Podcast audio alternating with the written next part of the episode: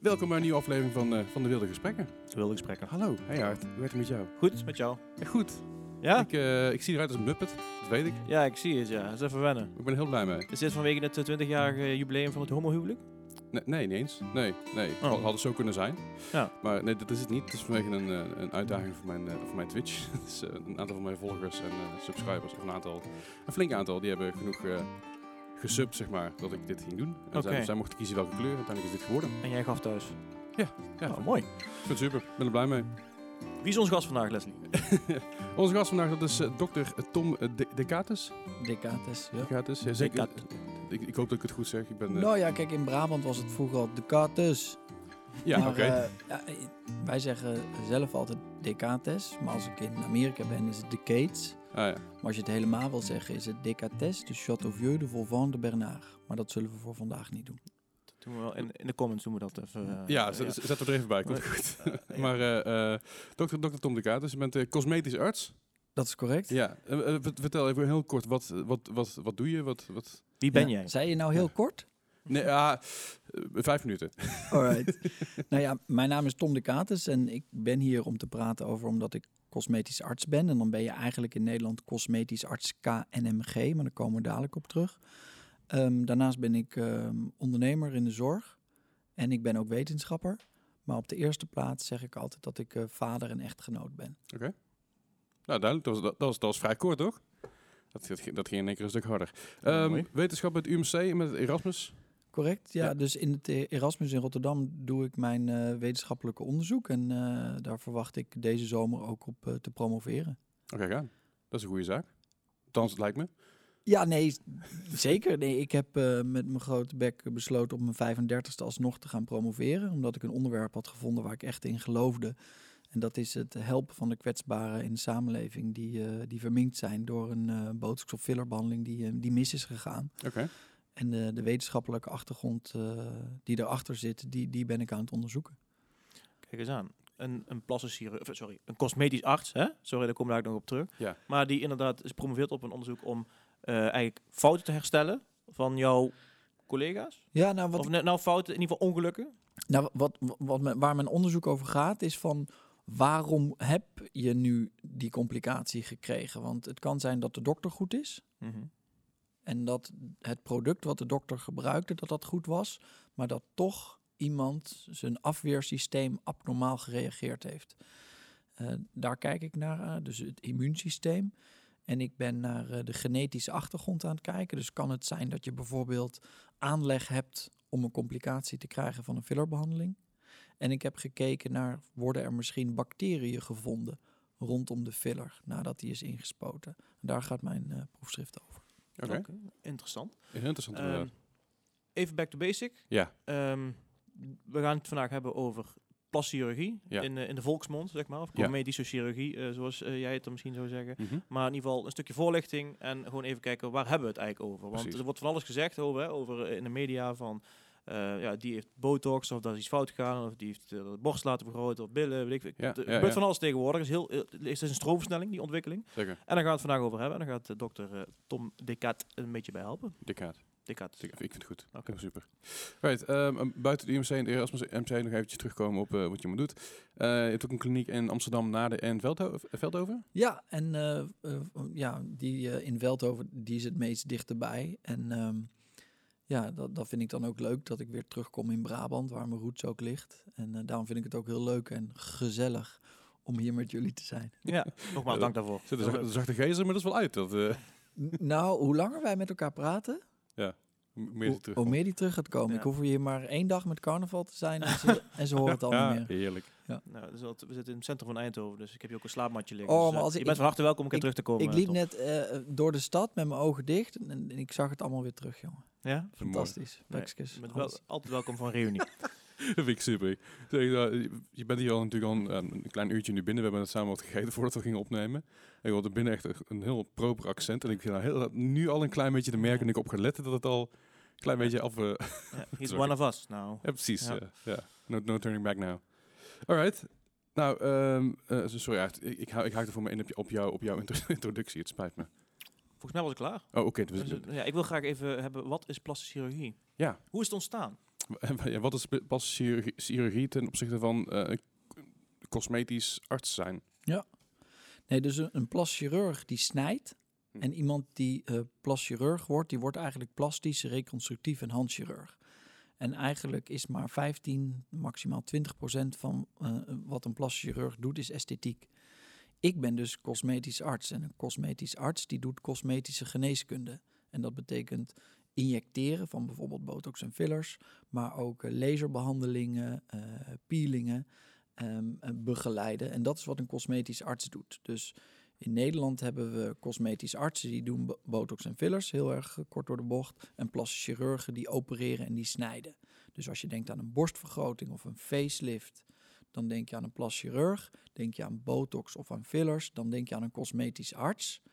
En als je dan nog een laagje dieper gaat, dan is het zo dat in Nederland is eh, cosmetisch arts zijn, dat is eh, zelfs nu een er- erkend medisch profielspecialisme. En dat betekent dat van de 300 cosmetisch artsen in Nederland er ongeveer 100 een erkend cosmetisch arts zijn.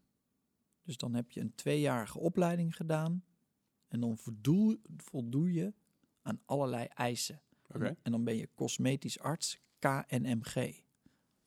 Dus, dus dat is een hele mond vol. Maar samengevat, een plaschirurg snijdt, een cosmetisch arts injecteert.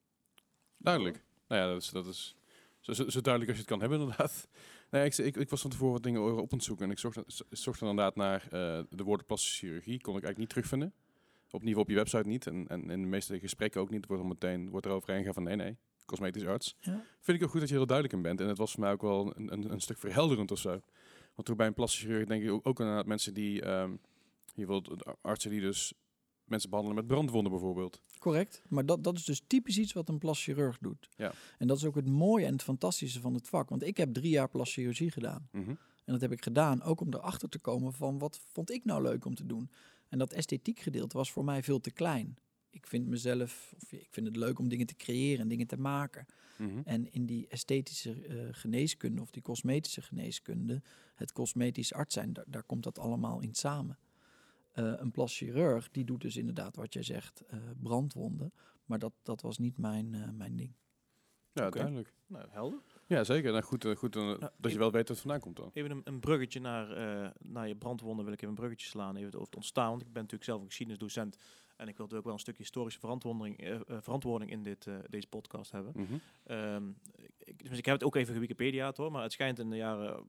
In India was het al heel vroeg dat ze neuzen deden corrigeren of zoiets. Maar in de Eerste Wereldoorlog heeft plastische chirurgie een enorme stap gemaakt. Omdat natuurlijk door de industrialisatie kwamen er wapens zoals mitrailleurs, vlammenwerpers, dat soort dingen. eh, die eh, zorgden voor wonden die eigenlijk de, de medische wereld nog nooit had gezien. Op die schaal in ieder geval. Waardoor ze ook heel veel konden experimenteren met behandelingen. En daardoor heeft de plastische chirurgie eh, enorme stappen gemaakt tijdens de Eerste Wereldoorlog. Klopt dat? Nou, wat, wat het echte verhaal is en wat ook heel mooi te visualiseren is, is dat je had eh, eh, tijdens de Eerste Wereldoorlog had je die, ehm, die gevechten met vliegtuigen.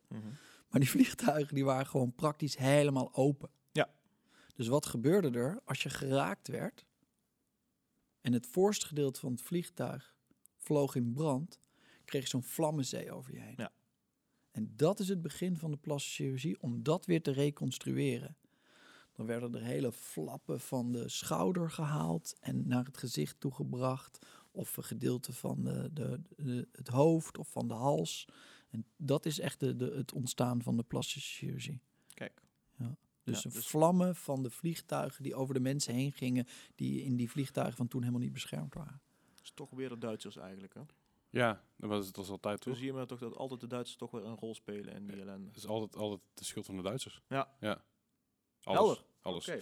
Alright. Ehm, hoe, ben, hoe ben jij plastisch chirurg geworden, Tom? Hoe, hoe, hoe, ben jij, hoe was jouw middelbare schooltijd? Waar heb je op school, nou, school je niet te noemen, maar gewoon hoe is dat gegaan en hoe is jouw, jouw eh, jonge loopbaan eh, verlopen, zeg maar? Ja, nou, ik, ik kom uit een artsenfamilie. Oh, oké. En eh, ik denk dat we op deze aarde zijn om andere mensen te helpen. Eh, Mooi. wij, wij wonen in het beste land ter wereld. En dan ben ik ook nog eens blank en ik ben man. Dus voor mij stonden alle zijn op groen. En dan denk ik, oké, het moment om voor andere mensen te gaan zorgen of andere mensen te gaan helpen. En in mijn ogen kon ik dat het beste doen als dokter. En ik had een goed voorbeeld van mijn vader en ooms en bladibla. En toen dacht ik, ik ga geneeskunde doen. Ehm, dat was voor mij zo makkelijk nog niet, want ik ben en dyslectisch en ik heb ADHD en ik ben verhoogd sensitief. Dus eh, dat, die geneeskundeopleiding was voor mij hel op aarde. Maar op een of andere manier eh, eh, heb ik het voor elkaar gekregen. Daarnaast is het zo dat ik het, het mooi vind om dingen te creëren, dingen te maken, dingen te knutselen, dingen te schilderen. En tijdens die geneeskundeopleiding, toen eh, kwam dat allemaal samen. Toen ik nog jonger was en nog naïver was, toen wilde ik eigenlijk altijd kinderarts worden. Maar omdat ik zo gevoelig ben, kan ik helemaal niet tegen die zieke kinderen. Dat snap ik. Daar kwam zo fucking hard binnen. Ik denk, gozer, dit moet je niet doen. Dat- Ehm, dat neem je mee naar huis op een gegeven ja, moment, daar, daar ja. kan ik gewoon helemaal niet tegen. En ehm, ja, toen kwam het langzamerhand eh, samen. Dus eh, het kunstzinnige in mij, het willen creëren in mij en het, het dingen maken. Dat kwam toen in eerste instantie, dacht ik, oh, daarvoor moet ik plastische chirurgie gaan doen. Eigenlijk wat dus iedereen denkt. Alleen plastische chirurgie bleek ook niet te zijn wat het was. En ik ben, bleek totaal geen, hel, geen held te zijn in handchirurgische operaties en in eh, microscopische operaties, want dat doet een plastic chirurg ook.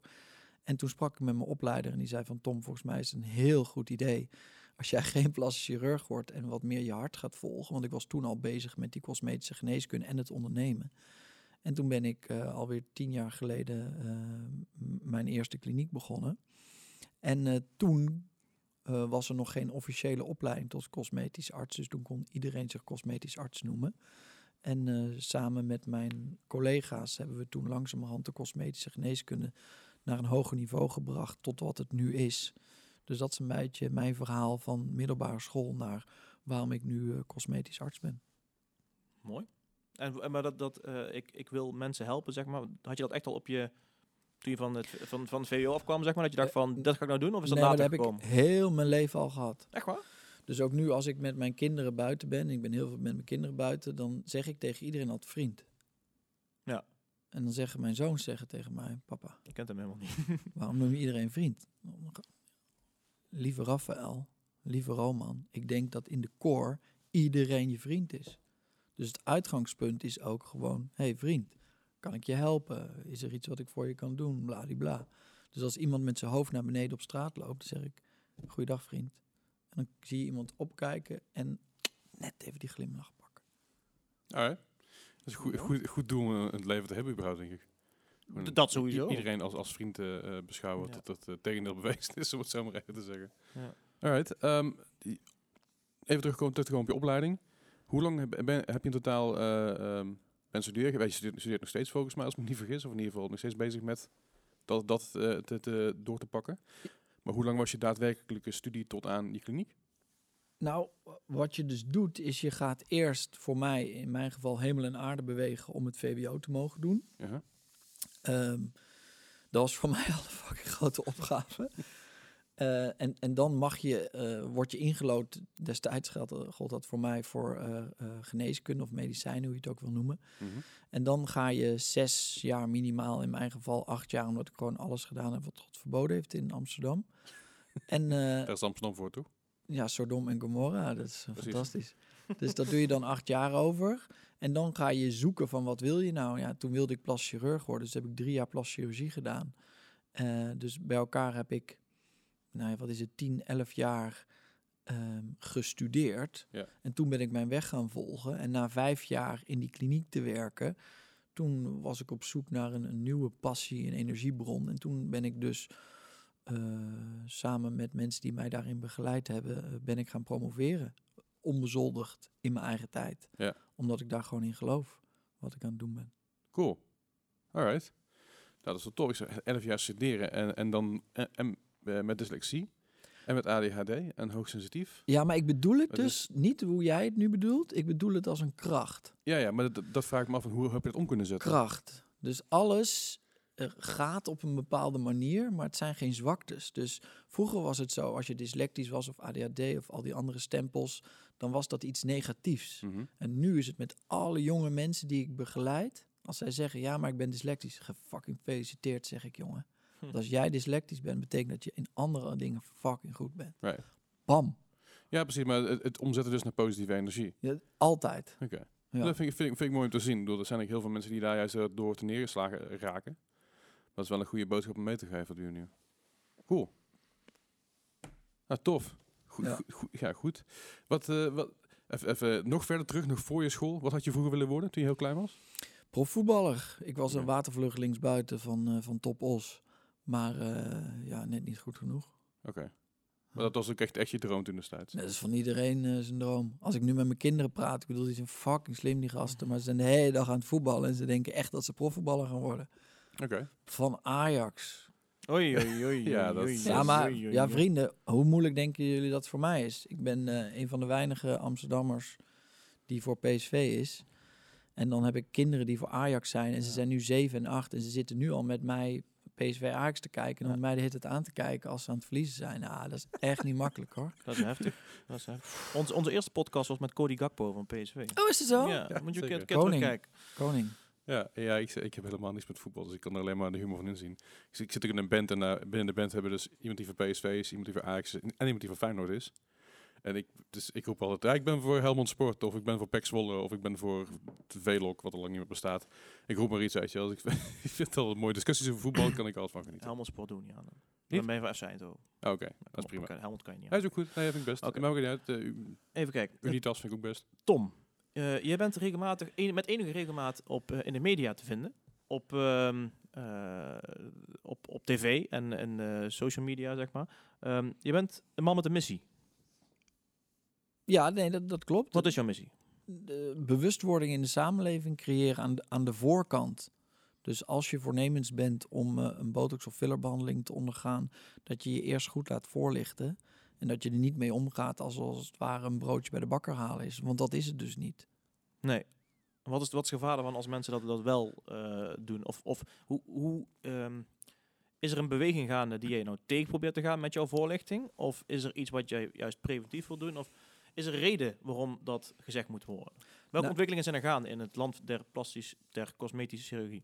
Nou ja, kijk, ik zie heel veel complicaties. Dus ik ben een beetje bevooroordeeld. Ik zie onder achter elke behandeling zie ik een complicatie. Maar wat ik probeer te voorkomen, is dat er meer complicaties ontstaan. En wat ik helaas zie gebeuren, is dat als paddenstoelen uit de grond nieuwe klinieken ontstaan, waar, hoe zeg ik dit netjes, eh, minder begaafde eh, doktoren en soms zelfs niet-doktoren werken die dan denken, oh dat botox en dat fillers eh, gedeelte, dat doe ik wel even. En zolang er dan conculega's van mij zijn, waar jonge kwetsbare meisjes binnenkomen die mogelijk ter plaatse van de fronts botox willen krijgen om dat te verzachten en dat die dokter dan zegt, ja maar durf je met die neus de, de straat op? Ja, als je dat heel vaak hoort, dan word je op een gegeven moment zo boos. En dan denk je, hoe kan je dat nou doen? Dus dat is een hele kwetsbare leeftijdscategorie. En in, in de plaats van dat je ze helpt in te zien dat, dat ze mooi zijn zoals ze zijn, ga je ze dus een complex aanpraten. Ja, daar, daar word ik heel boos van. En dat zag ik steeds meer. En dan zag ik ook dat het fout ging. En nu ben ik ja, inderdaad op een soort missie. Daar maak ik overigens niet veel vrienden mee hoor. Nee? Nee, nee, nee. Dus iedere keer als ik met mijn grote bek weer bij Jinek of, of wat dan ook mijn verhaal vertel, zijn er collega's die daarna mij appen en die zeggen van ja, Tom, bedankt, want er hebben weer heel veel mensen afgezegd. Oké. Ja, nou, mooi. Ja, dan, dan, dan is jou- jouw missie toch gewoon, gewoon bereikt. Exactly. En dan zeg ik ook tegen die mensen van ja, waarom denk je dat dat is? Die, mensen, is gaan, reden toe. die mensen gaan nu eventjes goed hun huiswerk doen. Ja.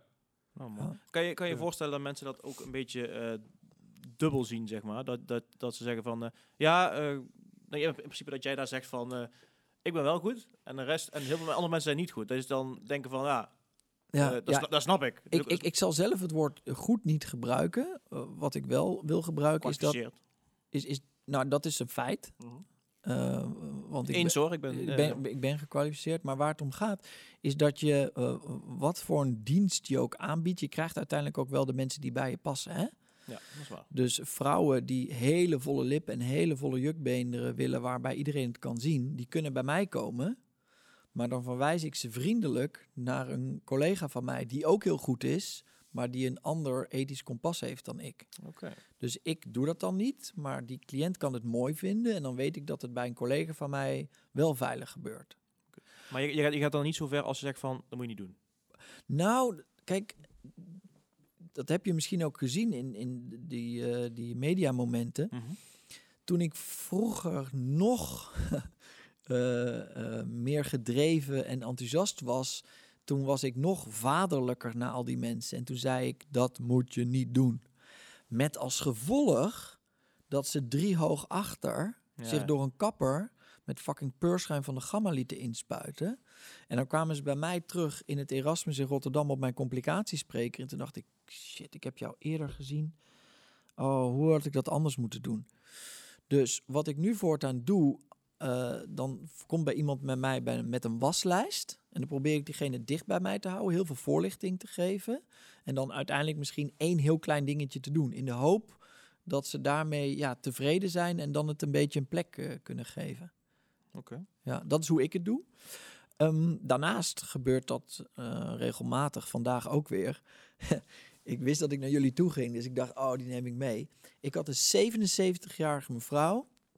Die zag er voor haar leeftijd echt heel goed uit. En die zei van dokter Tom, ik heb u daar en daar gezien. Ik dacht, u bent degene waarmee ik moet praten. En toen, ehm, toen had ze ook een paar dingetjes. En bij ieder ding wat ze zei, begon ik te lachen. Echt waar? Nou, maar gewoon niet eh, uitlag, maar meer gewoon van.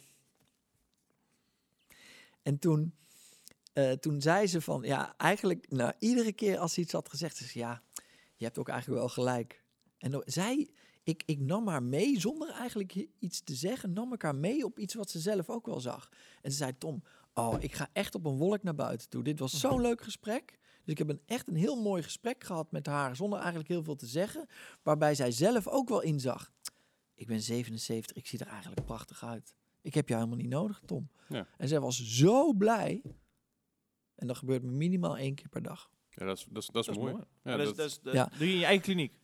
In één, één van mijn eigen kliniek. Maar dat is hoe ik het doe, hè? Ja. Respect voor iedereen, op welke manier je het- het ook doet. Als je het maar op een, op een verantwoorde manier doet. In ieder geval wat, wat ethiek erin, erin houden. Ja. Nou, dat snap ik wel. Ik denk dat het bij, bij eh, heel veel ja, wat je weet, kapperszaken bij wijze van spreken en schoonheidsspecialisten die er zo'n spuit in jas alsof het niks is, echt een groot probleem is. Eh, buiten dat natuurlijk, voor mijn gevoel, en nogmaals, ik, ik, heb, ik, heb nog nooit iets laten doen behalve mijn tattoos eh op mijn lichaam. Dus ik heb geen flauw idee hoe het eraan toe gaat. Maar mijn zus, die gaat best vaak, die laat best vaak fillers zitten. Fillers zetten. Zij heeft een, een dochter, die is nu inmiddels zeven. En die neemt ze ook mee naar daarheen. Nou, ze gaat natuurlijk niet, meer naar binnen. Maar ze wordt, er komt wel heel erg ve- veel mee in aanraking. Dus ik vraag me eigenlijk af van, goh, hoe zie jij dat dan eigenlijk? eh, met de jeugd of de kinderen die nou opgevoed worden met dit is de normaalste zaak van de wereld. Ja. Jouw, jouw nichtje of neefje? Nichtje. Nichtje, die groeit er echt mee op. Ja, die hoort er echt mee op. Die ziet letterlijk, eh, die gaat letterlijk mee aan de kliniek en die ziet ook gewoon mijn zus naar buiten komen met, met vollere lippen of wat dan ook, weet je wel. Alsof je opgroeit met rokende ouders. Ja, precies. Nou, dat, dat, ja. Dat- ja. En ik ben dus een beetje niet, ja, niet zozeer bang, maar huiverig voor het feit dat als mijn nichtje daar eh, 18 is, dat ik zeg van, nou, Nou, of misschien zelfs 14. 14, Zo, want die, ja. groeit, die groeit natuurlijk op in een wereld van Instagram. Ja, ik weet niet of dat nog steeds Instagram is, maar iets vergelijkbaars. zien we tegen de tijd alweer. Eh, met, met filters en eh Ja. et cetera. En ze ziet mijn zus dus elke keer met fillers in plaats van filters. Ja. Eh, en dan hoop ik in ieder geval dat ze niet gaat roken. Ik heb liever dan ze- dat ze één keer in drie maanden fillers laat zetten. E- Eerlijk gezegd, dan dat ze elke dag een pakje peuken wegpoft. Ja. Dus wat dat Ja. betreft. Nou, een paar dingen. Eén, het is een aanname van jou. Dus hopelijk gaat het niet ik, gebeuren. ik weet het niet, hoor. ik weet ja, het niet. Precies. Twee, eh, fillers die ik inspuit, die zijn goed en die, die zijn tijdelijk en die blijven één jaar zitten. Oké. Als jij iedere drie maanden naar een... Ja, ze, laat niet elke drie maanden hetzelfde doen hoor. Ze laat elke drie maanden Ja. laat ze weer iets Ja, anders ja. doen. Nee, maar het is een fucking boevenwereld waar mensen gewoon C en D producten bij mensen inspuiten. Waarbij het businessmodel is ook van ja, kom iedere drie maanden maar weer terug. Ja, oké. Fucking niet normaal. Nee, is niet normaal. Maar ja, dus, dus terugkerend naar je vraag. Ja, vriend, ik maak me ongelooflijk veel zorgen. Want Ja. we only just begun, hè? Ja, ja, zeker. Dus eh, mensen zeggen altijd tegen mij van ja, maar Tom, het is echt zo erg op straat. Ik zeg, wij, Nederland, zijn het meest ja, onderbehandelde land ter wereld. Dus als ik ergens ter wereld ben en ik zie collega's van mij, dan zeggen ze, oh ja, Tom, you're from Holland, eh, the Netherlands, uh, the most undertreated population in the world. Ja. Dus Betreft cosmetische chirurgie. correct. Dus wij doen echt nog helemaal niks. Ik ben naar Zuid-Korea geweest. Nou ja, maar, maar, maar ik bedoel, maar als je naar Zuid-Korea gaat, dan is dat niet het eerste waar je aan denkt. N- ja, Want iedereen nee. het heeft. Echt waar? Het is- de- de- Wat, wat doen ze dan in In Zuid-Korea? Zuid-Korea, als je 16 bent, als je slaagt van je school, dan Mhm. krijg je een ooglidcorrectie. Dat is het meest gegeven cadeau voor eh, vrouwen. Onder- Als ze 16 worden, een ooglidcorrectie. Zodat je een eh, dubbel eyelid krijgt zoals wij Westelingen hebben. Ja, want dat laatste is dus heel belangrijk. Dus ze proberen op, op westerse mensen te lijken. Ja. Nee, maar ik bedoel, dit is Zuid-Korea. hè? En Kijk, wij vertellen het nu een beetje aan jou, maar in Zuid-Korea is de cosmetische geneeskunde is, is een van de, de, nou, de grootste van de wereld, bij wijze van spreken. Maar ook Iran, eh, Colombia, eh, Noord-Amerika. Het is een gekkenhuis. Nederland is nog heel rustig. Laat het zo houden. Dus er, nee, maar vriend, er gaat iets gebeuren. Ik bedoel, Tuurlijk. kinderen eh, of jongeren zijn eh, eh, verslaafd, wij misschien ook, aan hun telefoon en, en alles wat daarop gebeurt. Dus we only just begun. Ja, nou, er is natuurlijk ook Ja. een reden waarom. Hè, ik, bedoel, ik heb, heb natuurlijk meerdere gasten gehad en we gaan nog meerdere gasten krijgen. Maar een van de redenen waarom ik dit graag wilde, is omdat ik, ook ik en met mij, mijn vriendin en, en heel de wereld eigenlijk, ziet, ziet dingen gebeuren. Hè. We zijn natuurlijk een huiswerkbegeleiding hier. En eh, we, hebben ook, we hebben ook een eigen Instagram-account en we volgen ook onze leerlingen. En we zien ook af en toe dat ze ehm, ja, soms bijna leven of lijken te leven in een, in een fictieve wereld. En dat begint met een, met met een filtertje en, en, ehm, eh, en uiteindelijk kan het misschien leiden tot, tot een drang naar perfectie, ook in het uiterlijk. En eh, Ja, ik, zeg- ik, ik- daar, maak, daar maak ik me af en toe een beetje zorgen om. Zeker, ik heb nu ook twee jonge kinderen. Hoe, hoe ziet dat er over tien jaar uit? Als jij zegt, we've only just begun. Ja, maar je moet er even nagaan, hè. Kijk naar mijn armen en mijn benen en mijn rug en dan Ja. ik zit allemaal een tattoos. Twintig jaar geleden was ook super taboe. Ja, dit 30 jaar geleden. Was er best wel taboe nog om zo rond te lopen op kantoor. Ja, maar ik- het nu een stuk anders is. Kijk, ik, ik, mij maakt het niet uit eh, of... Kijk, dat werd, de, ehm, een tatoeage werd vaak gekoppeld aan je sociale milieu, zeg maar. Mhm. En eh, dit is echt snijden in je snijden en vullen in je, in je lichaam. Dit is Mhm. op je lichaam. Dus net even iets anders, denk ik. Ik zeg niet, ik zeg niet dat het beter of slechter is. ik, ik, ik, ik snap, ik snap dat, het- dat, het- dat je het niet, eh, dat je niet zegt dat het beter of slechter is, maar ik denk dat het, het tab- taboe en het stigma wat eraan hangt, eh, even goed over 20 jaar compleet anders kan zijn. Dat het gewoon een, een normaalste zaak van de wereld is. Ja, maar of dat goed is, is een tweede. Dat weet ik niet. Dat, dat, Nou- dat, hangt er vanaf of, of, of Tom zijn werk doet, natuurlijk. Nou ja, kijk, wat, jij, wat jullie zeggen eh, is, is heel erg interessant. Ik weet voor duizend procent zeker, eh, we only just begun. Maar of het goed is of slecht is, dat is natuurlijk wel het, het mooiste van in Nederland leven. Hè? Ik bedoel, we leven in een vrij land en iedereen mag dat voor zichzelf beslissen. Ik heb me één keer laten ontvallen. Ik geloof dat het bij Nieuwsuur of zoiets was. Toen werd ik geïnterviewd. En toen zei hij van, Tom, wat vind jij er nou van? En toen heb ik de fout gemaakt om te zeggen dat ik het heel erg lelijk vond. Ja. Maar de truc is nu natuurlijk juist, zeker voor mij, is dat ik probeer echt een beetje objectief te blijven. Want er zijn gewoon mensen die dat mooi vinden. Hè? Ja, nee, dat is, en, dat is, en, en, dat is dan, en dan mogen ze natuurlijk zelf beslissen Zeker. of ze dat mooi vinden. Ja. Dus ja, dus... Nou, kijk, mijn, mijn, mijn, zorgen gaat over het beeld van eigenlijk een, een, misschien een beetje een stereotype, maar een onzeker meisje, mijn dochter misschien over tien jaar, zeg Ja. maar, die op Instagram ziet van, eh, die heeft een, die kijkt naar heel veel voorbeelden van, van mensen die een super platte buik hebben, een volle eh, eh, bips, een, een grote borsten, volle lippen of zo, en die wil daarop lijken op iets wat eigenlijk niet bestaat. Ja. Dus dan heb je het ook over natuurlijk over die, die filters.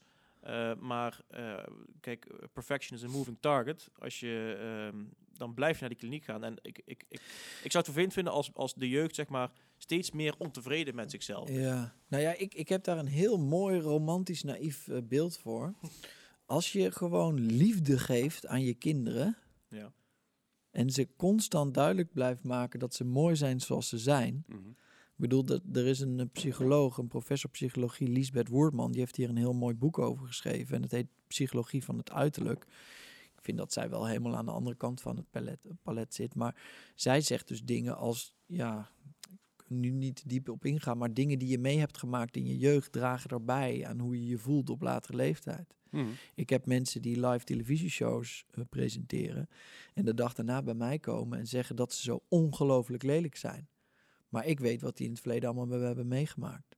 Ja, ja. Dus als ik geef mijn kinderen heel veel liefde en ze mogen eh, zo rond zijn als ze willen, eh, de kleren dragen die ze willen, ze mogen hun haren doen wie ze willen.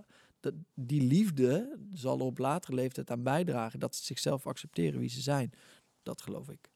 Ja, ja, ik dat- denk dat Het, ook zal, wel. het zal geen kwaad doen, denk ik. Nee, ja, klopt. Nee, precies, maar ik denk dat door sowieso. Het, het, het grappige is tegelijkertijd dat er, met, dat er met de opkomst van alle fillers en filters aan de ene kant heb je aan de andere kant natuurlijk echt de, de rising eh, ehm, body positivity eh, Ja, groep eigenlijk wel tot, tot naar De contra-revolutie. Ja. nee, Ja. maar dat is dus het mooie van bijvoorbeeld zo'n, eh, weet ik veel, eh, Cardi B, Stallion, bladibla. Ja, ja. Dat die, De, de WAP. ja, dat die gewoon de hele voluptueuze vrouwen zijn. Waardoor, waardoor ik bedoel, twintig jaar geleden hadden we de anorexie met Kate Moss. Mhm. Eh, dat, dat is gelukkig niet meer. Nee, dat is, dat is zeker. En dat, Dat is zeker positief. Maar aan de andere kant, kijk, vroeger had je dus, was dan misschien eh, liposuctie om een kleinere eh, billen te krijgen, was misschien in. mhm. En nou krijg je butt fillers. Is dat, weer, is, Nou is- ja. is, is dat niet gewoon een beetje beschoven? Zo, nee, het is wel verschoven, maar kijk, ook weer als dat veilig gebeurt. Wat Ja. er nu dus heel veel gebeurt, is dat als je helemaal niks te doen hebt, kan je op Facebook groepen zitten waar 25 vrouwen zitten die met busladingen vol naar Turkije toe gaan. Ja, je lacht, maar dat is zo. ja, om voor een heel lage prijs Hmm. een hele lichaam te laten verbouwen. En die maken elkaar helemaal gek via social media. Maar eentje, en dat is, dat is heel verdrietig, maar die vind ik ook altijd leuk om aan te raken. Wij weten, eh, ook uit wetenschappelijk onderzoek, dat één belangrijk onderdeel van waarom vrouwen dit willen, is helaas ook nog eh, hun mama. Want er is een heel conservatief wereldbeeld soms nog voor vrouwen dat om eh, later te hebben wat ze willen hebben, een rijke man te trouwen, dan krijgen zij kinderen en dan kunnen ze thuis voor de kinderen zorgen. Hm. Ja, dat is heel verdrietig en heel Ja. ouderwets, maar helaas gebeurt dat nog heel veel. Dus er zijn heel veel moeders die tegen hun kinderen zeggen: zorg nou dat je er zo mooi mogelijk uitziet. Dan kan je die voetballer of wie dan ook aan de, aan de haak slaan. Ja, is het echt eh, Ja, met, dat is met echt zo. wetenschappelijk Ja, onderzocht, zeg ja, maar? ja, ja, ja. Wauw. Ik, Ja. ik, ik, geloof, ik geloof meteen dat het waar is. Alleen ik denk wel dat er een nieuwe rise is daarmee. Nee, Dat lieve vriend, ja. I fully agree with you. Ja. En ik ben er 24 uur per dag mee, mee, mee bezig om, om mensen het gevoel Ja. te geven, wat lul je nou? Je bent gewoon mooi zoals je bent. Ja. Alleen eh, als je aan mij vraagt van Tom, hoe kon dat nou? Helaas is dat nog steeds een reden dat in bepaalde conservatieve kringen de vrouw nog niet de ruimte krijgt om te gaan werken. En waar het de bedoeling is dat ze een gezin gaat stichten en thuis blijft met de kinderen.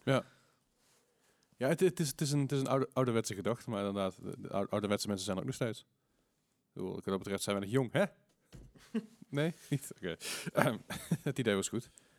Right. eh, Welke operatie vindt het meest plaats? Of welke ingreep, moet ik dan zeggen? Ja, nou als je kijkt van wat, wat, wat heel erg hip is, is dat eh, lipfillers nog steeds. Dus heel veel vrouwen willen vollere lippen. Daarnaast zie ik eh, de, de, het verstrakken van de kaaklijn. Dus eh, eh, ja, eigenlijk heel gek. Een meer mannelijke kaaklijn, dat vrouwen dat heel mooi vinden. Ehm, Ja? ja, vriend, het is zo.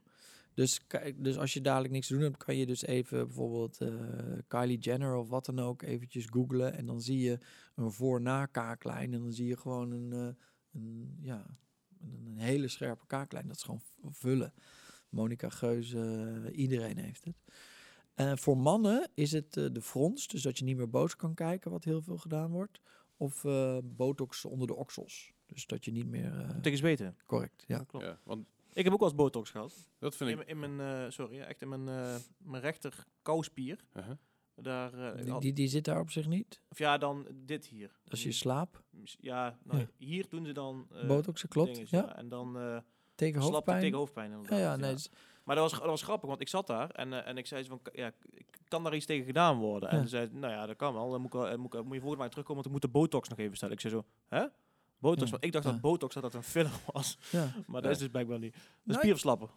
ja, on- ontspanner gebruik ik Ja. altijd als woord, want ik kan ermee spelen. Dus Ja. als je het zou verslappen, zou je hem niet meer kunnen gebruiken. Nee, het leuke is om te weten dat er eh, jaarlijks zijn er tientallen miljoenen botoxbehandelingen. Ja. In 50% van de gevallen is het voor medische doeleinden. Ja. Dus overmatig zweten, migraine, vaginisme voor vrouwen. Eh, ik kan zo nog Was wat, dat? eh, dat je te eh, veel gespannen bent beneden. Oké. Wil je er meer over? Zal ik er meer over vertellen? Ik ben wel Het is een voorlichtingspodcast. Ik, Oké, eh, dus vrouwen die, als, ver- als het zo vaak vrouwen, die verkracht zijn Ja? en die dus moeite hebben met seks Ja. en die daar te, te gespannen zijn, die Ja. kunnen daar met botox behandeld worden. Wauw. Wauw. Dat is heftig. Ja. Maar goed dat, dat, dat er een, eh, oplossing voor is. Een soort van oplossing. Nou ja, je kan overal in je lichaam waar je spieren hebt en waar ze te veel gespannen zijn. ja. Eh, ik bedoel, iemand met een spastische arm, die krijgt gewoon twee, drie keer per jaar hele hoge dosis botox in zijn, eh, in zijn armspieren gespoten, waardoor het ontspant. Ja. Want dat is het mooie van botox, hè. Kijk, botox is een medicijn. Ja. Het werkzame bestandsdeel is botulinetoxine A. Dat is een gif wat gemaakt wordt door bacteriën. Ja, dat had ik toevallig inderdaad eventjes... Ja, dus het is eigenlijk gewoon een natuurlijk product. Dus de overkoepelende term is injectables, of dingen die je kunt injecteren. En dan heb je botox, de tijdelijke spierontspanner. En dan heb je fillers, en fillers vullen op. Ja. Dus als iemand vollere lippen wil, dan gebruik ik een filler. En als iemand zijn frons wil ontspannen, dan gebruik ik botox. Oké. Wauw. De allereerste keer dat, eh, dat botox gebruikt was ergens in zeven- 1797 volgens mij. In ieder geval de ontdekking van, eh van botulinetoxine. Ja, Ik had van tevoren even wat gegoogeld. ja als mijn overgrootoma. Ja, dat snap ik wel, ja. nee, maar dat is, dat is net het, eh, eh, want wat u zegt, botox, dat botulinetoxine, dat is al heel lang een, een ding. Maar dat is echt veel, veel, veel, veel, veel later pas echt, echt gebruikt gaan worden voor medische dingen. En daarna pas voor, voor ehm, cosmische, dus cosmetische eh, doeleinden. Ja, correct. Dus eerst voor medische doeleinden en pas eigenlijk sinds 30 jaar voor cosmetische doeleinden. Ja. De grap is, is dat ehm, eh, weer die vrouwen die zo thuis zo hard moesten werken en voor de kinderen moesten zorgen, die werden een beetje vermoeid. Want die mannen die zaten gewoon te werken en sigaren te roken en niks te doen. Mhm. En, eh, Mooi die. En die vrouwen die kregen dan eh, oncontroleerbare spierbewegingen van de ogen, fasciculaties. Mhm. En dan ging, had een slim iemand die dacht, hé, hey, ik ga daar eens botox in spuiten. En daardoor ontspande die spier. En die vrouw zei, hè, mijn kraaienpootjes gaan ook weg. Dus, ja, En, Mooi neveneffect. en dat is het moment geweest, altijd met alle grote ontdekkingen tussen Ja, ja. haakjes In, de, in de medische wereld. By coincidence. ja, eind jaren 80 volgens mij ergens, eh, Correct. niet vergis. Ja, heftig. Wel, wel eh, gra- grappig om te zien hoe erg dat... Van zeg maar, eh, ik geloof de eerste, een van de eerste keren dat het medisch gebruikt werd was tegen transpiratie. In ieder geval qua, qua spieren en zo. Wat, wat, Mhm. ik, wat, ik ervan, wat ik ervan gelezen heb, nogmaals, ik weet niet hoe, hoeveel er waarvan is. Mhm. Toen realiseerde ik mezelf van, goh, eh, ik heb heel veel, heel veel mensen in mijn, in mijn vriendenkring, muzikanten, die op het podium staan, die zich helemaal kapot zweten. Die juist dat laten doen, zodat ze niet meer zo Exact. constant zeiknat zijn. Exactly. Nee, dat is een ongelooflijk dankbare toepassing van botox. Ja. Het, eh, gewoon het, het stoppen van, van eh naar het hard zweten. Ja, ik vind het heerlijk om van het podium af te stappen na een uur helemaal, helemaal kapot gezweet te zijn. Ja, nee, Dus- maar ik heb ook wel eens iemand ontmoet die, Maar- die, die altijd, eh, als hij bijvoorbeeld een sollicitatiegesprek had of zo, dan Ja. gutste het van Ja. de dingen. Ja, Ja. Voor, voor zo'n iemand is het natuurlijk echt een, een Ja, maar, uitkomst. maar, performance ook, hè. Ik bedoel, denk je, als, als, als, als een, eh, ik noem een, eh, nou, we hadden het net over Iggy Azalea volgens mij of zo, weet ik veel wat we het net over hadden. Of Nicki, Mina- Nicki Minaj en dat soort figuren, die staan dan urenlang op het podium te dansen. Ja, dat is echt superleuk, maar die zweten zich gewoon gewoon de perspleurs. Die moeten zingen, dansen, springen, op en neer rennen, hoop dingen doen. Mhm. Ja, het ziet er niet uit als, als, als iemand door, doorgelopen zijn in zweet. Is, dat- ja, maar is dat niet ongezond? Is, is dat niet een natuurlijke manier van je lichaam om... om eh, ja, ik weet het niet, maar is de... Klopt. Maar je, je, Ja. je, je, je, je lichaam, van je kruin tot je voeten, één grote zweetklier. Oké. Dus maar, je kan... maar bij oksels is het meer dan normaal.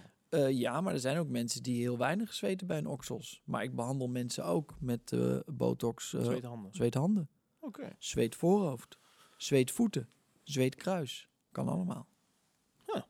Fascinerend. Wist ik niet. Zweet, Ongelooflijk. ik vind trouwens, zweetkruis vind ik wel, is een, mijn nieuwe favoriete schildwoord, denk ik. ja, dat is leuk voor galgje. Ja. Ja, zweetkruis. Zweetkruis. Ja. Oké. Eh, dat, dat, dat botox, dat, je hebt allerlei dingen op tafel staan voor. Wil je daar alvast heen trouwens? Of Ja, nee, ik ben benieuwd wat voor speelgoed heb je meegenomen. Ja, nou, dit is eh, dus botox, maar dit is dus ook echte botox. Ik weet niet of het op deze manier goed te zien is. Eh, ja, ja, het komt goed hoor. Dit is, eh, Alright, alright, alright. Nee, dus, ehm, eh, dus botox is echte botox. Net zoals je als echte Coca-Cola hebt. uh-huh. Dus je hebt merken die zichzelf cola noemen, Mhm. maar die zijn dan eigenlijk geen Coca-Cola. Right. En dit is echte botox. Maar het werkzame bestandsdeel is botulinetoxine A. Dat is dus een gif. Mhm. Ik maak nu het doosje open. En terwijl ik het doosje open maak, kan ik dan eventjes op de camera laten zien dat als ik dit dicht bij de camera zou brengen, dan lijkt het dus alsof er niks in zit. Kunnen, we- kun- kunnen we gewoon doen hoor. Maar wat er dus eigenlijk in zit, is een heel klein beetje een wit laagje van poeder. En dit is een hele kleine hoeveelheid. Ja.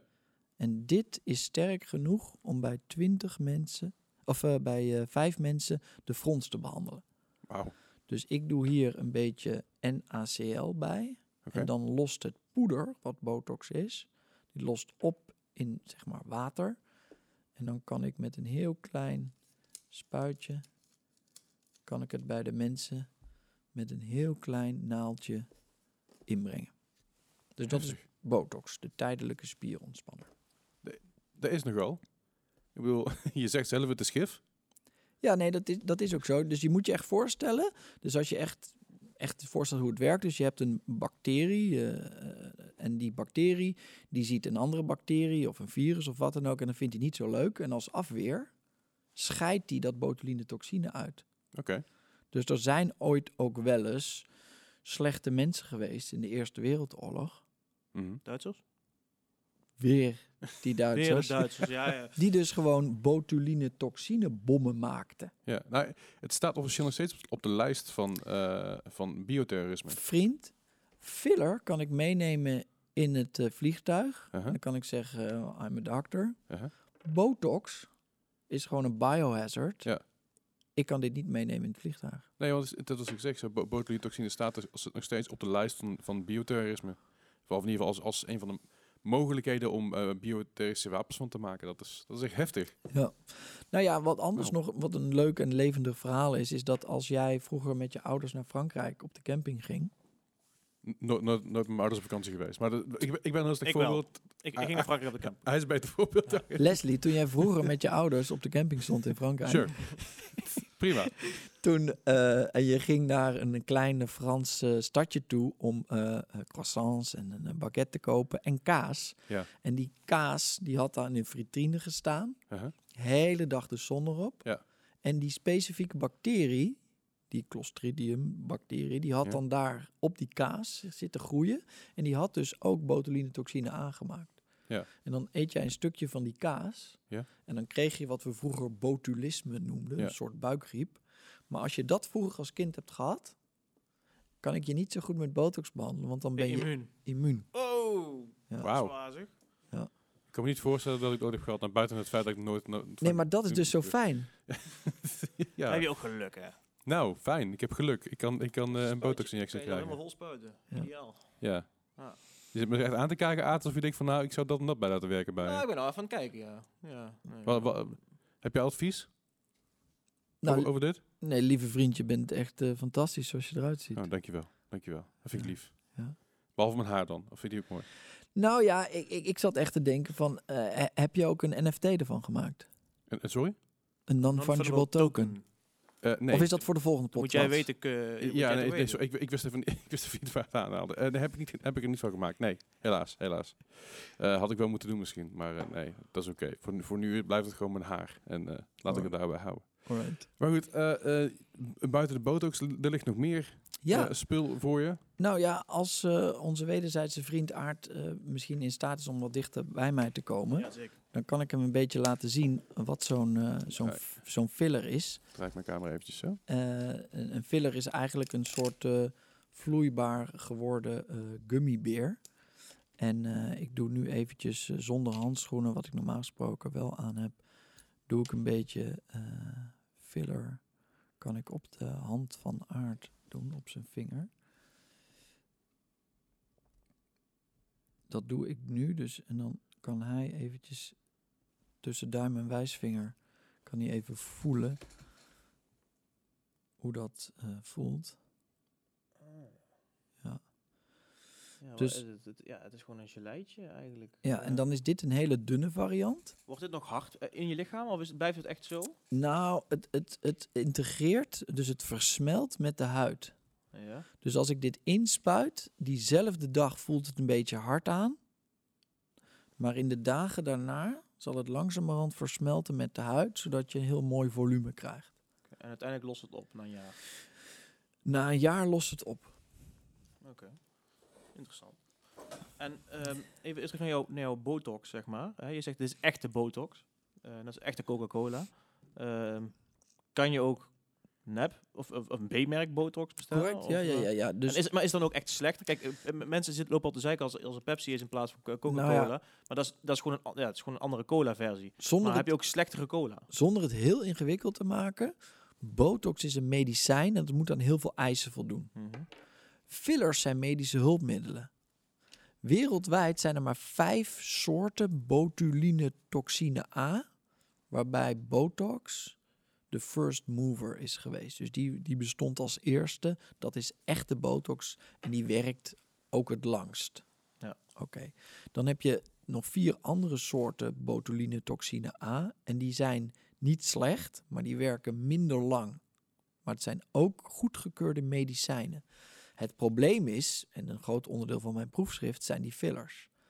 Dit is een filler van het merk Juvederm. En Juvederm is van Allergan en dat is een hele grote wereldwijde speler. En dat is ook de maker van echte botox.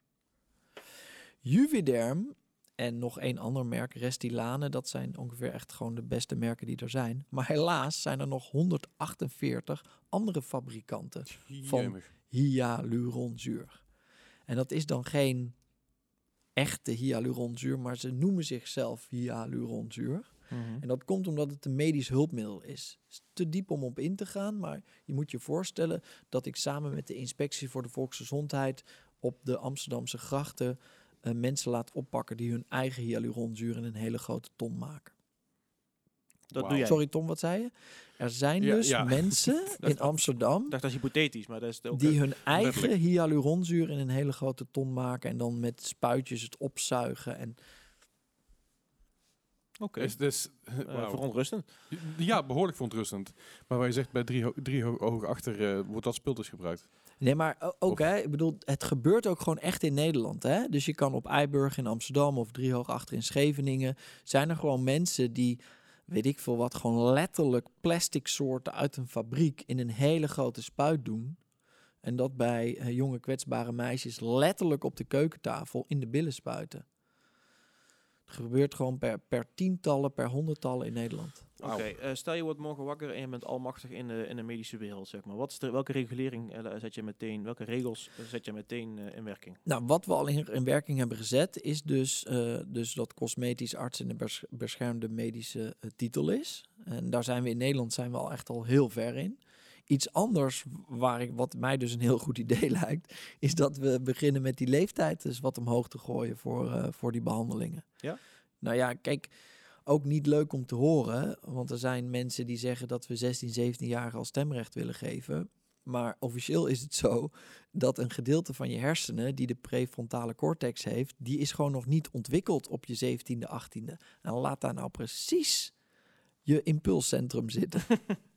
Ja, maar die zou dan verhogen naar 21. 21 ja. Ja, en kijk, bijna alle meisjes van 27, 28 die bij mij op een complicatiespreekuur in het Erasmus komen, die zeggen tegen mij, want ik, ik praat ook heel veel mensen en die zeggen, Tom, ik was 17, 18, het was een impulsdingen en ik baal er heel erg van, het liefst zou ik de tijd terugdraaien.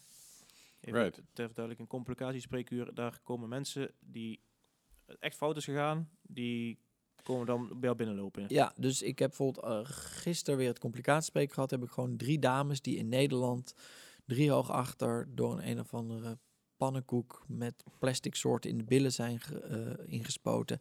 En uh, je kan het er niet of nauwelijks uithalen. Het is heel moeilijk hun pijnklachten te, te verlichten. Ja, ik, daar word je gewoon heel verdrietig van. En dat wil ik voorkomen dat dat gebeurt.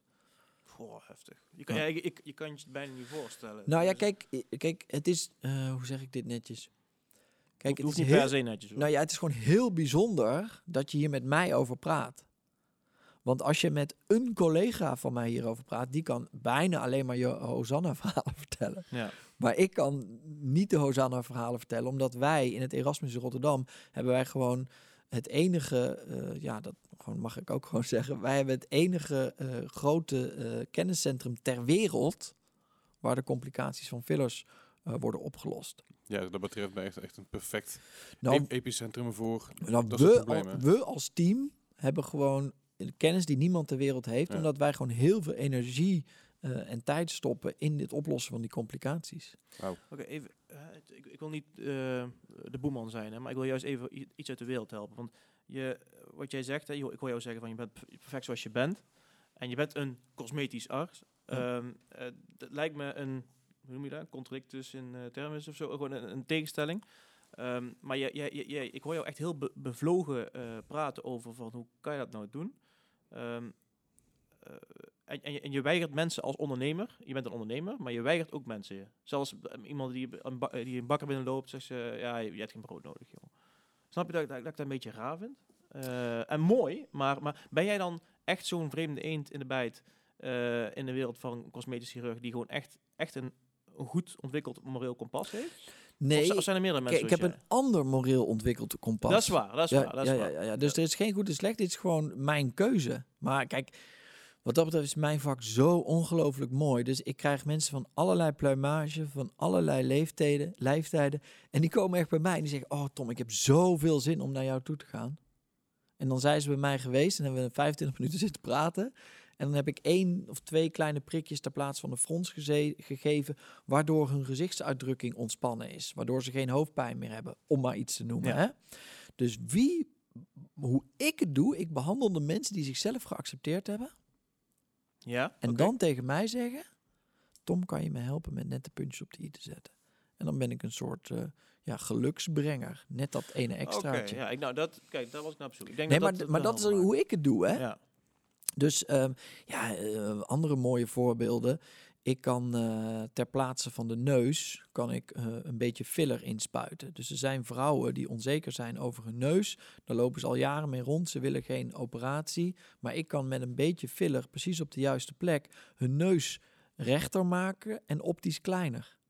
Ja, dat is onbetaalbaar voor die mensen. Nou, top. Ja, en, dat bezig. z- zonder extreme ingrepen. Dan- Ja, ja, ja, ja, oké. ja, ja. Soms minder meer, zeg maar, onderaan de streep. Mooi. Ja. Oké. Hey, ehm, om terug te komen op het wetenschapgedeelte. Jij hebt ook, ehm, als ik me niet vergis, de eh, eerste ge- gezichtsecho.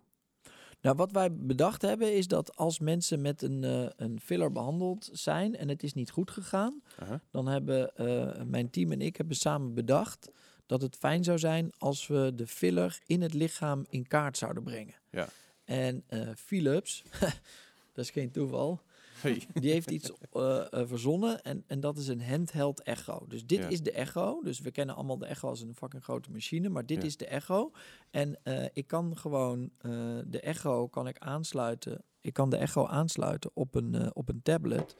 En dan kan ik dus bij iemand in het gezicht kan ik kijken waar de bloedvaten zitten of waar de filler zich bevindt. Dus ja, die heb ik eigenlijk altijd bij me als ik in een acute situatie bij iemand een, eh, een fillerbehandeling die mis is gegaan moet oplossen. Maar dit, dit ziet er redelijk eenvoudig uit. Ja. Maar jullie hebben deze toepassing ontwikkeld. Nou, de echo zelf bestond al. Dus Mhm. bijvoorbeeld de huisarts kan hem gebruiken om een bepaalde prik te geven met een ontstekingsremmer. De fysiotherapeut kan het gebruiken om bepaalde spieren in beeld te brengen. Maar ik kan hem gebruiken om de bloedvaten in het gezicht eh, in kaart te brengen. Dus ik zou bij wijze van spreken nu deze eh, echo op, jou, eh, op jouw wang kunnen zetten. Mhm. En dan kan ik dus in jouw wang kan ik zien waar eh, jouw bloedvaten zitten. En stel dat je dan met een filler bent behandeld en het is niet helemaal goed gegaan, dan kan ik die dus hiermee in, in beeld brengen. Dus de, de Philips Lumify.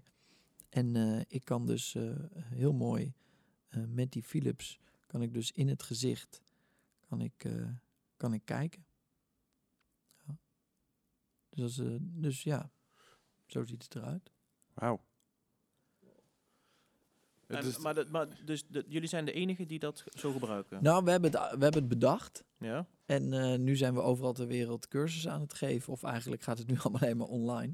Ja, nee, Dus eh, een- van mijn collega's die is hier recent ook op gepromoveerd. Dus die, eh, ja, dit, dit hebben wij bedacht. Van, En dat zorgt ervoor dat het veiliger wordt en uiteindelijk minder, minder mensen bij het complicatiespreekuur komen. Want, want je, je zei al keer eerder van eh, het kan tot een verlamming leiden als je het in een bloedvat doet. Nou, het kan, de, huid kan afsterven. Maar ja, Aard, jij gaat door naar de volgende ronde. En daar staat een koelkast op jou te wachten. Dat is super goed gedaan.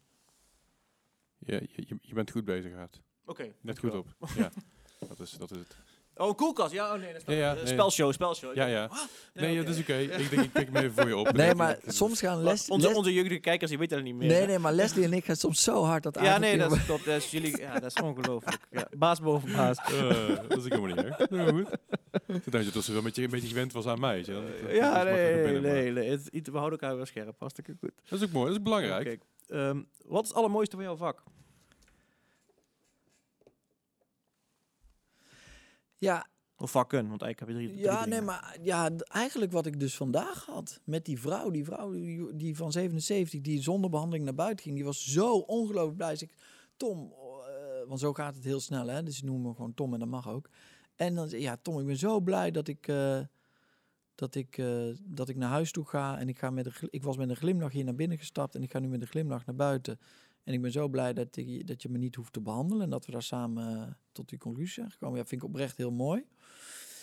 Ehm, ja, ik vind het wel ook heel erg mooi als iemand eh, dus eh, zeven keer per dag een nieuw overhemd moet aandoen en dat ik botox in de oksels kan spuiten en dat iemand dan maar één keer per dag een nieuw overhemd aan moet. Maar ik vind het ook heel mooi als iemand, weet ik veel, zeven jaar lang niet van de zijkant gefotografeerd wil worden omdat ze haar neus niet mooi vindt. En dat ik met één klein eh, drupje filler op de juiste plek ervoor kan zorgen dat iemand weer eh aan profiel een foto van zich durft te, te laten maken. Ja, en als ik kijk naar mijn wetenschappelijke onderzoek, ehm, ja, we hebben nu zoveel dingen bedacht en uitgevonden. Als het eh, lukt om daarvoor te zorgen dat er minder complicaties plaatsvinden, ja, dat vind ik ook fantastisch. Ik hoor eigenlijk alleen maar mensen helpen. Ja, mooi samengevat. Ja, Nou, mooi. Ja. Nou, kijk, mijn, mijn, eh, misschien niet mij, want ik heb natuurlijk, ik had je ook eerder ontmoet, maar eh, misschien een beeld van een plastisch chirurg is iemand eh, die veel geld verdient aan mensen dingen misschien wel aansmeren die ze die ontevreden zijn. Zeg Ja. maar. Geld verdienen van andermans malaise. ja. Is dat misschien een, een, lomp stereotype? Maar Nee, nee, nee, Is dat maar ik-? Nee, maar ik denk dat iedereen eh, eh, daaraan denkt als die aan cosmetische geneeskunde, eh, een cosmetisch arts of plastic chirurgie, een plastic chirurg denkt. Maar ehm, nee, ja, dat is gewoon hoe ik erin sta. Maar ik, ik heb ook gewoon respect voor mensen die wel alles bij iedereen wil doen. Hè? Dus nogmaals, je krijgt als cliënt ook de dokter die bij je past. Ik denk dat we moeten wel even onderscheid maken, want inderdaad, eh, je hebt mensen, jouw collega's, die gewoon iets andere dingen doen dan jij. En je hebt beunhazen, of Ja. gewoon boeven, zoals je ze zelf noemt, Ja. terecht. En da- dat zijn, daar zijn we het allemaal over eens dat dat boeven zijn. Ja, ja, ja, nee, dat zijn dus gewoon echte mensen. Nee. Je gelooft het niet. Dat dus een jong kwetsbaar meisje loopt binnen, komt voor klein ding. Dokter zegt, maar durf je met die neus naar buiten toe? Ja, dat heb ik nu al zo vaak gehoord. Dat denk ik van, ja, dat kan toch niet dat je echt is zo... misdadig. Dat, kijk, ik zeg dus iedereen is je vriend. Maar ik bedoel, die mensen zijn dus gewoon, dat zijn gewoon slechte mensen. Ja, nee, dat is zeker waar. Ja. Eh, even kijken. Leslie, heb jij nog iets? Heb, heb ik nog iets? Eh, ik heb eh, nog wel iets hoor, maar ik ja, wil de, de, de, doe- is het, ik, ik, ik wil eigenlijk vragen hoe het nu eh, vanwege, vanwege COVID en zo natuurlijk, met de hele pandemie, eh, heeft jouw eigen, eh, heb jouw eigen kliniek ook stilgelegen? Of Eh. mag, mag dat wel doorgaan? Nee, ja, het, het, bizarre is, eh, vorig jaar eh, eh, maart en april tijdens de eerste lockdown zijn we dicht geweest. Ehm, maar, maar eh, ja, tot ja. 2020 was in al onze klinieken het beste jaar ooit. En, en dat komt gewoon, eh, en die, die, eh, dat durf ik ook gewoon te zeggen. Wij wonen in het beste land ter wereld. Dus Ja. iedereen heeft gratis geld gekregen. Mhm. En er zijn natuurlijk bepaalde mensen die het heel erg zwaar hebben. Maar helaas, ik heb het fantastisch gehad. Want het is super druk geweest in al mijn klinieken. Ja. En eh, ja, toen heb ik ook nog vorig jaar september bij Jinek heb ik de Zoom-feest geïntroduceerd als term in Nederland. Dus al die mensen die die Zoom-gesprekken hebben. En daarmee, daarna is het natuurlijk nog drukker geworden. Want iedereen dacht een Zoom-feest. Ja, wat- houdt het in, zo'n Zoomfeest? Nou ja, kijk, dus als je zo'n eh, eh, gesprek hebt eh, met een, met een videobeldienst en je laat eh, per abuis het, het licht van achter komen, dan zie je er niet zo heel goed uit. En dan ga je bijvoorbeeld zitten fronsen of zitten turen naar het scherm. En met, met een beetje botox op de juiste plek kan ik dat dan heel mooi verzachten. De zoomface.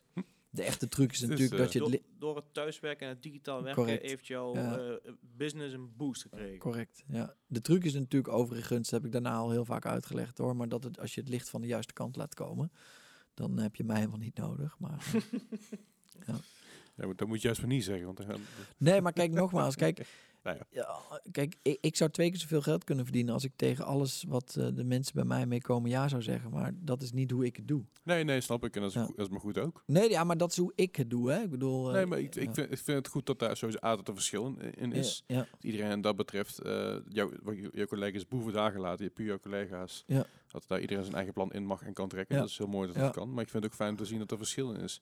Dat je dus verschil hebt tussen verschillende artsen die zeggen, maar goh, ik zou dat niet doen en dat wel doen. Ja. Dus ja, precies. Aard. Ja. Je, je had een vraag. Of heb ik nou voor je neus weg, weggeroofd? Je hebt, je hebt het gewoon gesteld. Oh, nee, ja, de, de- mijn vraag was over COVID. Oh, oké. Ehm, nee, ik heb er nog wel eentje. Ah, gaat- los. Ehm, heb je ooit meegemaakt dat iemand, ehm hè, jij zegt van nou, eh, die mensen tevreden, ik wil een puntje op de i zetten. En die komt twee maanden later terug van ja, ik wil dat ook nog even doen. Ja. toch nog even, toch nog even. Nee, Ja, dat, eh, Zijn er mensen waarbij het nooit af is? ja, nee, dat gebeurt. Dus daar kan ik de twaalfledige antwoord op geven. Nou, punt 1, ja, dat gebeurt. Maar een van de allerbelangrijkste dingen van mijn vak is verwachtingsmanagement. Dus aan de voorkant moet je echt een beetje, en dat heeft met ervaring te maken, dat heeft met mensenkennis te maken. Wat wil diegene die tegenover jou zit? Is dat dus echt iemand die na dit nog iets anders wil?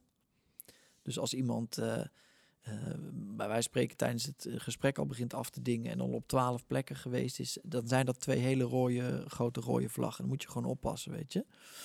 Ehm, maar eh, nee, het gebeurt regelmatig dat mensen met één ding bij mij zijn gekomen. Dan heb ik ze geholpen en dan beginnen ze over iets anders. Maar eh, dat vinden ze vaak niet leuk, maar stuur ik ze gewoon naar huis. Ja, ja. Nee, maar for real, hè? Dus ik zeg tegen ze, ga nou maar eens eerst van dit genieten. Ja. En als je dan over vier weken nog steeds denkt, ik wil dat andere, dan mag je bij mij langskomen om, er- om erover te praten. ja, ja. Ander punt is dat ehm 10 tot 15 procent van mijn cliënten heeft body dysmorphic disorder. Body dysmorphic disorder. Dat is een psychiatrische aandoening waarbij het nooit genoeg is. Oké, Een soort anorexia van de schoonheid. oké. Dus die mensen, die moet je ook van tevoren eruit pikken. Wat je ook doet, het is nooit goed. En die mensen moet jij niet behandelen. Die moeten naar de psychiater. Oké, en, hoe bepaal je dat? Hoe, de- ja, je hebt vijf eh, vragen die je aan ze stelt. Die opgesteld zijn door psychiaters voor die body dysmorphic disorder. En, dat en er zitten vragen tussen als... eh, hoe vaak per dag kijk je in de spiegel? Vind je jezelf lelijk? Eh et cetera, et cetera, et cetera. Oké. En als je die vragen op alle vijfde vragen ja eh, eh, als antwoord krijgt, dan zou je kunnen proberen. Dat kost heel veel tijd en energie. Ik ben er wel eens met iemand mee geweest naar de psychiater in het ziekenhuis. Het kost heel veel energie en tijd, maar dan kan je zo iemand oh, naar de psychiater brengen en hopelijk kan diegene eh, dan genezen worden door de psychiater en niet zozeer door jou. Maar eh, ga- gaat dan niet iemand gewoon naar een van jouw con-collega's? Zou kunnen, en omdat die, die om- wat minder makkelijk, eh, minder moeilijk zijn. Zeg Ja, dat klopt. Maar om dat te omzeilen ben ik er dus gewoon met een paar mee geweest naar het ziekenhuis. maar ik ben gek. Oké. Ja. Nee, je bent niet gek. Dat is helemaal niet gek. Bevlogen. Nou ja, kijk, het, Ja. het grote probleem is, is dat als je zo gedreven bent en bevlogen als ik, dat je soms wel eens even jezelf tegen jezelf in bescherming moet nemen. Maar als je weet dat 10 tot 15 procent van de cliëntele het heeft, en er zijn één of twee psychiaters in Nederland die hierin gespecialiseerd zijn, en die zeggen, Tom, je bent de enige die wel eens patiënten naar mij verwijst. Ja, dan weet je gewoon dat er heel veel mensen zijn die gewoon steeds door en door en door behandeld worden. Ja. Maar komt dat omdat de plastische chirurgen ehm, gewoon willen werken? Of kennen ze die bo- body dus... Morphic disorder. Ja, het, het, is drie, het is tweeledig. Dus de dokters, soms onwetendheid. eh, en eh, de, de cliënten die, die, die de dokter weet te overtuigen. Mhm. Oké. Ja. Ken jij het? Eh, ik, ik, ja, ik heb het gehoord als in de naam eh, body dysmorphia. Dat is zeg maar een Ja. beetje de naam die hier vaak, eh, vaak op internet voorbij komt, om het zo maar even te zeggen. Ja, nee, maar er is nu bijvoorbeeld, er is ook, is ook Instagram dysmorphia. En er zijn Ja. heel veel vormen, psychiatrische vormen van dysmorphia. Ja. Omdat de kinderen elkaar helemaal gek maken. Ja, zeker. Oké. Maak je daar zorgen om? Over de, de, de, eh, de social media, zeg maar? Nou ja, we hebben het net heel even aangeraakt. Maar als je echt zegt van Tom, wat is het toekomstbeeld? Ja, we hebben net voor een gebbetje gemaakt over NFT's. Maar Mhm. jongens, alles wordt digitaal. Ja. Dus over 30, 40 jaar hebben wij allemaal een lens in onze ogen. Kunnen we alles overal zien en projecteren. Dan wordt alles, eh, nou, je wilt een ander kleurtje, je wilt anders kijken. Dat kan allemaal dadelijk. Maar maak je er zorgen om? Nee, dat is gewoon de toekomst. Je kan het maar beter omarmen. Nee, maar eh, als, als in, maar je, je zegt, de kinderen maken helemaal gek. Ja, maar dat is de tijd waar we nu in leven, ja, hè? maar, maar ik, ik heb het ook over nu. Of nu in de, de nabije toekomst. Zeg Nee, maar. ja, da, da, da- ja, daar maak Jouw, ik... jouw kinderen, jouw kinderen zijn 7 en 8? Nou ja, ik heb het geluk eh, dat ik zoons heb. Ja, dat scheelt waarschijnlijk. Ja, dat scheelt Stel je echt, al twee dochters. Ja, dan en zou ik me, ja, maar dan zou ik ook daarvoor. Ja, net, stel, stel er luistert een moeder of een meisje van, van een pubermeisje, die gaan waarschijnlijk deze podcast luisteren.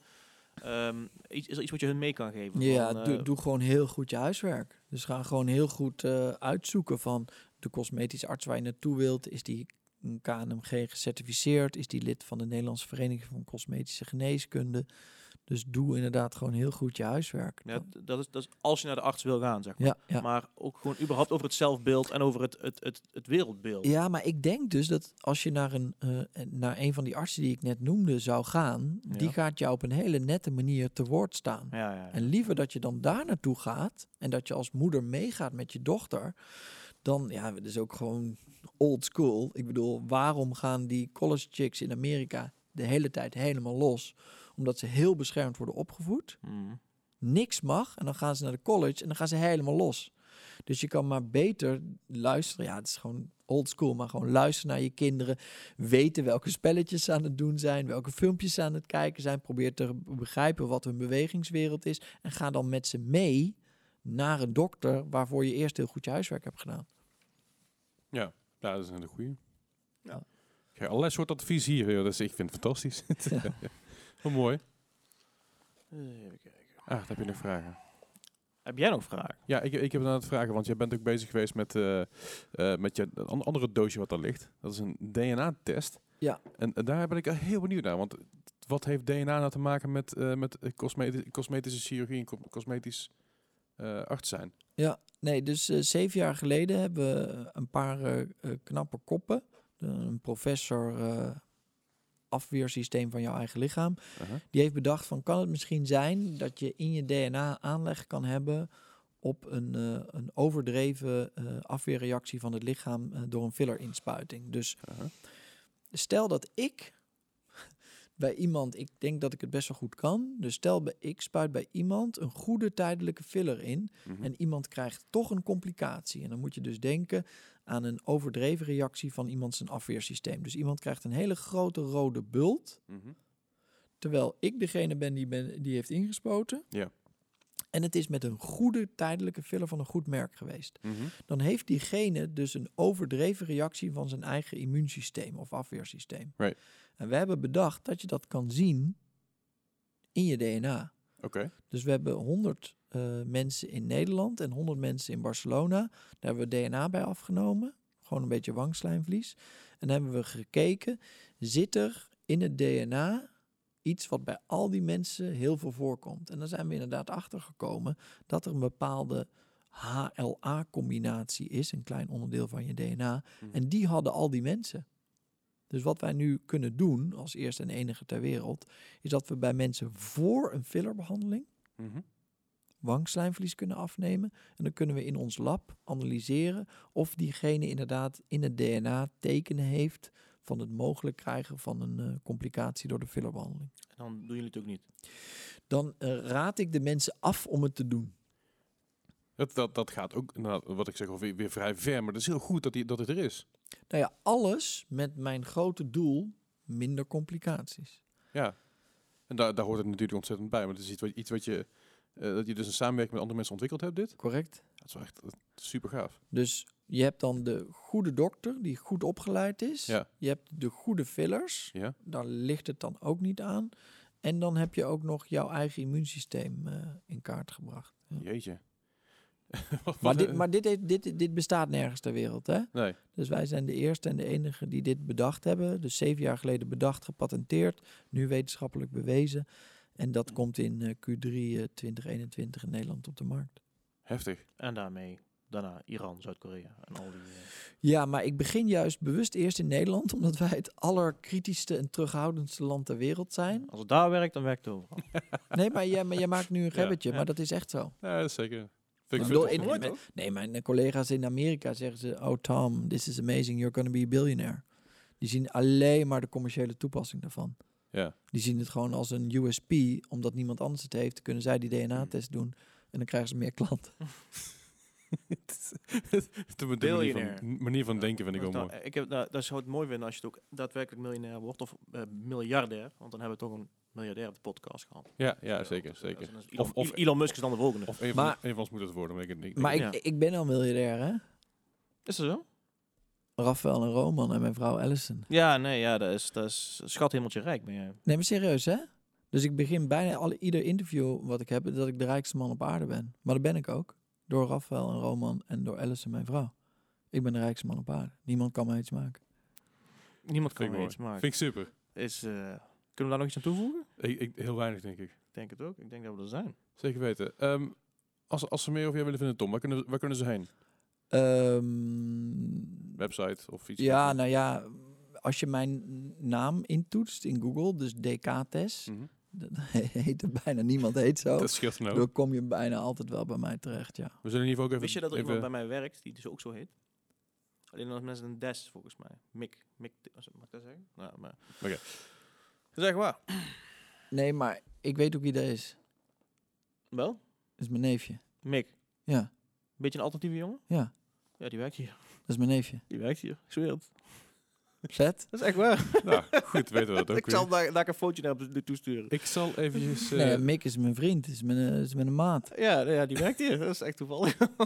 Nee, maar er zijn er maar eh, eh, 80 in Nederland, zoiets denk ik. Dus je kan, als je gewoon mijn naam, eh, dus Decatus intoetst in Google. Ja, het is eigenlijk www.drdecatus.com. Maar als je mijn Decatus intoetst, dan kom je er vanzelf. ja, precies, We gaan maar die, in de- die link zet ik gewoon in de show notes. Ja, en dus dan kunnen alle, mensen klikken. alle links van zijn eh mediamomenten zetten we er ook in. Ja. En, ehm, en zijn site. En eh, Het gaat helemaal goed komen. ja.